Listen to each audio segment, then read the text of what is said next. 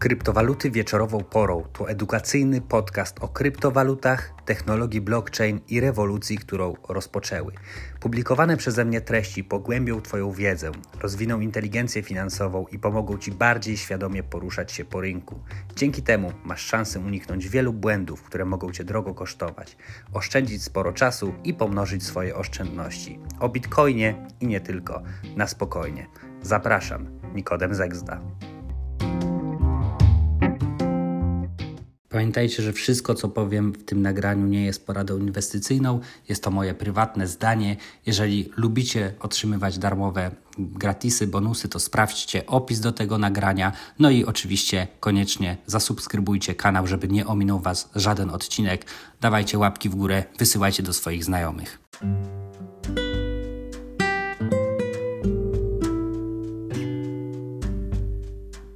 Cześć amerykańska organizacja pozywa SEC w sprawie Ripple.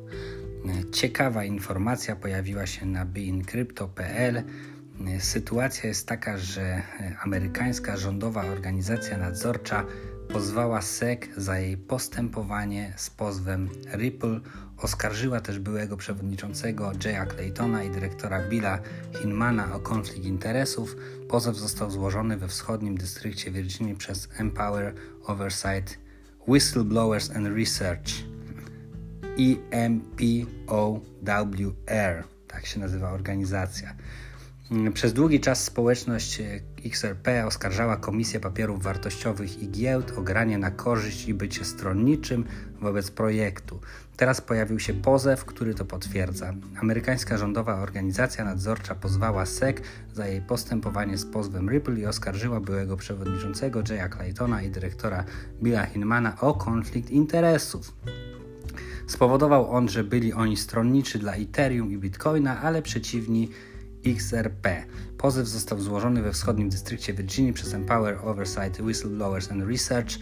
E, to jest taka bezpartyjna organizacja edukacyjna non-profit skupiona na niezależnym nadzorze nad rządowymi i korporacyjnymi wykroczeniami. Empower chce, aby SEC zastosowała się do wniosku Freedom of Information Act. W ten sposób organizacja uzyskałaby dostęp do zapisów prowadzonych przez regulatora. Zapisy te dotyczą potencjalnego konfliktu interesów niektórych z najwyższych urzędników SEC związanych z kryptowalutami. W dokumencie zauważono w szczególności okoliczności deklaracji niektórych byłych urzędników SEC dotyczących tego, czy poszczególne kryptowaluty stanowią papiery wartościowe, a zatem podlegają regulacji SEC, budzą istotne pytania dotyczące potencjalnych konfliktów interesów. Pierwszym celem jest Hinman, były dyrektor Wydziału Finansów Korporacyjnych w SEC. Zanim dołączył do agencji, był partnerem w firmie prawniczej Simpson Thatcher, Thatcher chyba dobrze czytam, Empower twierdzi, że Hinman nadal otrzymywał miliony dolarów od kancelarii prawnej podczas pracy w SEC. Pewne media twierdziły nawet, że pieniądze, które otrzymał od kancelarii, były siedmiokrotnie wyższe od jego rządowej pensji. Fund utrzymywanie funduszy nie jest przestępstwem samym w sobie. Simpson Thatcher jest jednak członkiem Enterprise Ethereum Alliance, którego celem jest napędzanie adopcji Ethereum. Warto zauważyć, że Hinman oświadczył, że Ethereum nie jest papierem wartościowym i jeszcze w 2018 roku. Co ciekawe, Hinman opuścił SEC w grudniu 2020 roku, a w tym samym miesiącu organ nadzoru rozpoczął proces przeciwko Ripple za rzekome naruszenie przepisów dotyczących papierów wartościowych. Natychmiast po tym, jak SEC ogłosiła swoje zarzuty przeciwko Ripple, wartość XRP spadła o 25%. Dalsze powiązanie z podejrzanymi transakcjami w SEC to Mark Berger. Berger był szefem Wydziału Egzekucji SEG i osobiście prowadził działania mające na celu złożenie pozwu przeciwko Ripple. Wkrótce po złożeniu pozwu opuścił on SEC i co ciekawe dołączył również do Simpson Thatcher, firmy związanej z Ethereum, w której pracuje Hinman. Były przewodniczący SEC działał w swoim własnym interesie.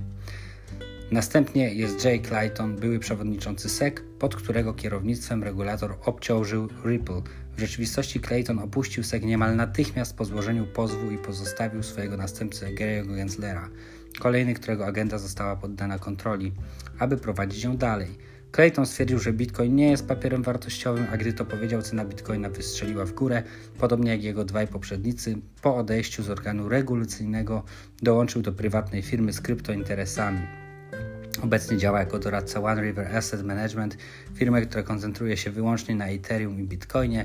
W pozwie stwierdzono, w interesie publicznym leży, aby rządowa regulacja wschodzącego rynku kryptowalut opierała się na obiektywnych zasadach prawnych, dlatego potencjalne konflikty interesów w tej przestrzeni mają istotne znaczenie publiczne.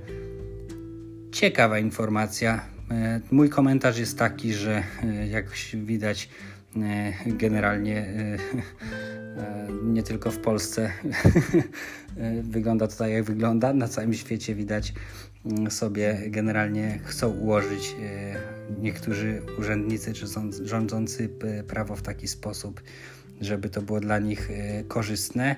No i ciekawe, jak się sytuacja rozwinie. Pamiętacie być może sytuację, kiedy y, XRP bardzo mocno właśnie spadło, y, kiedy zostało zaatakowane właśnie przez SEC y, odnośnie tego, że jest właśnie tym papierem wartościowym i tam jakieś niejasne jeszcze interesy, jakieś niejasne rozliczenia i tak dalej. No i teraz się okazuje, że mm, być może to byli ludzie, którzy właśnie są powiązani z, z Ethereum, z Bitcoinem dla których można powiedzieć XRP w jakimś stopniu mogło stanowić po prostu, nie wiem, czy konkurencję, czy zagrożenie.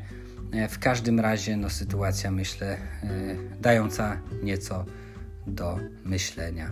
Także to by było na tyle. Do usłyszenia w kolejnym odcinku. Trzymajcie się, cześć.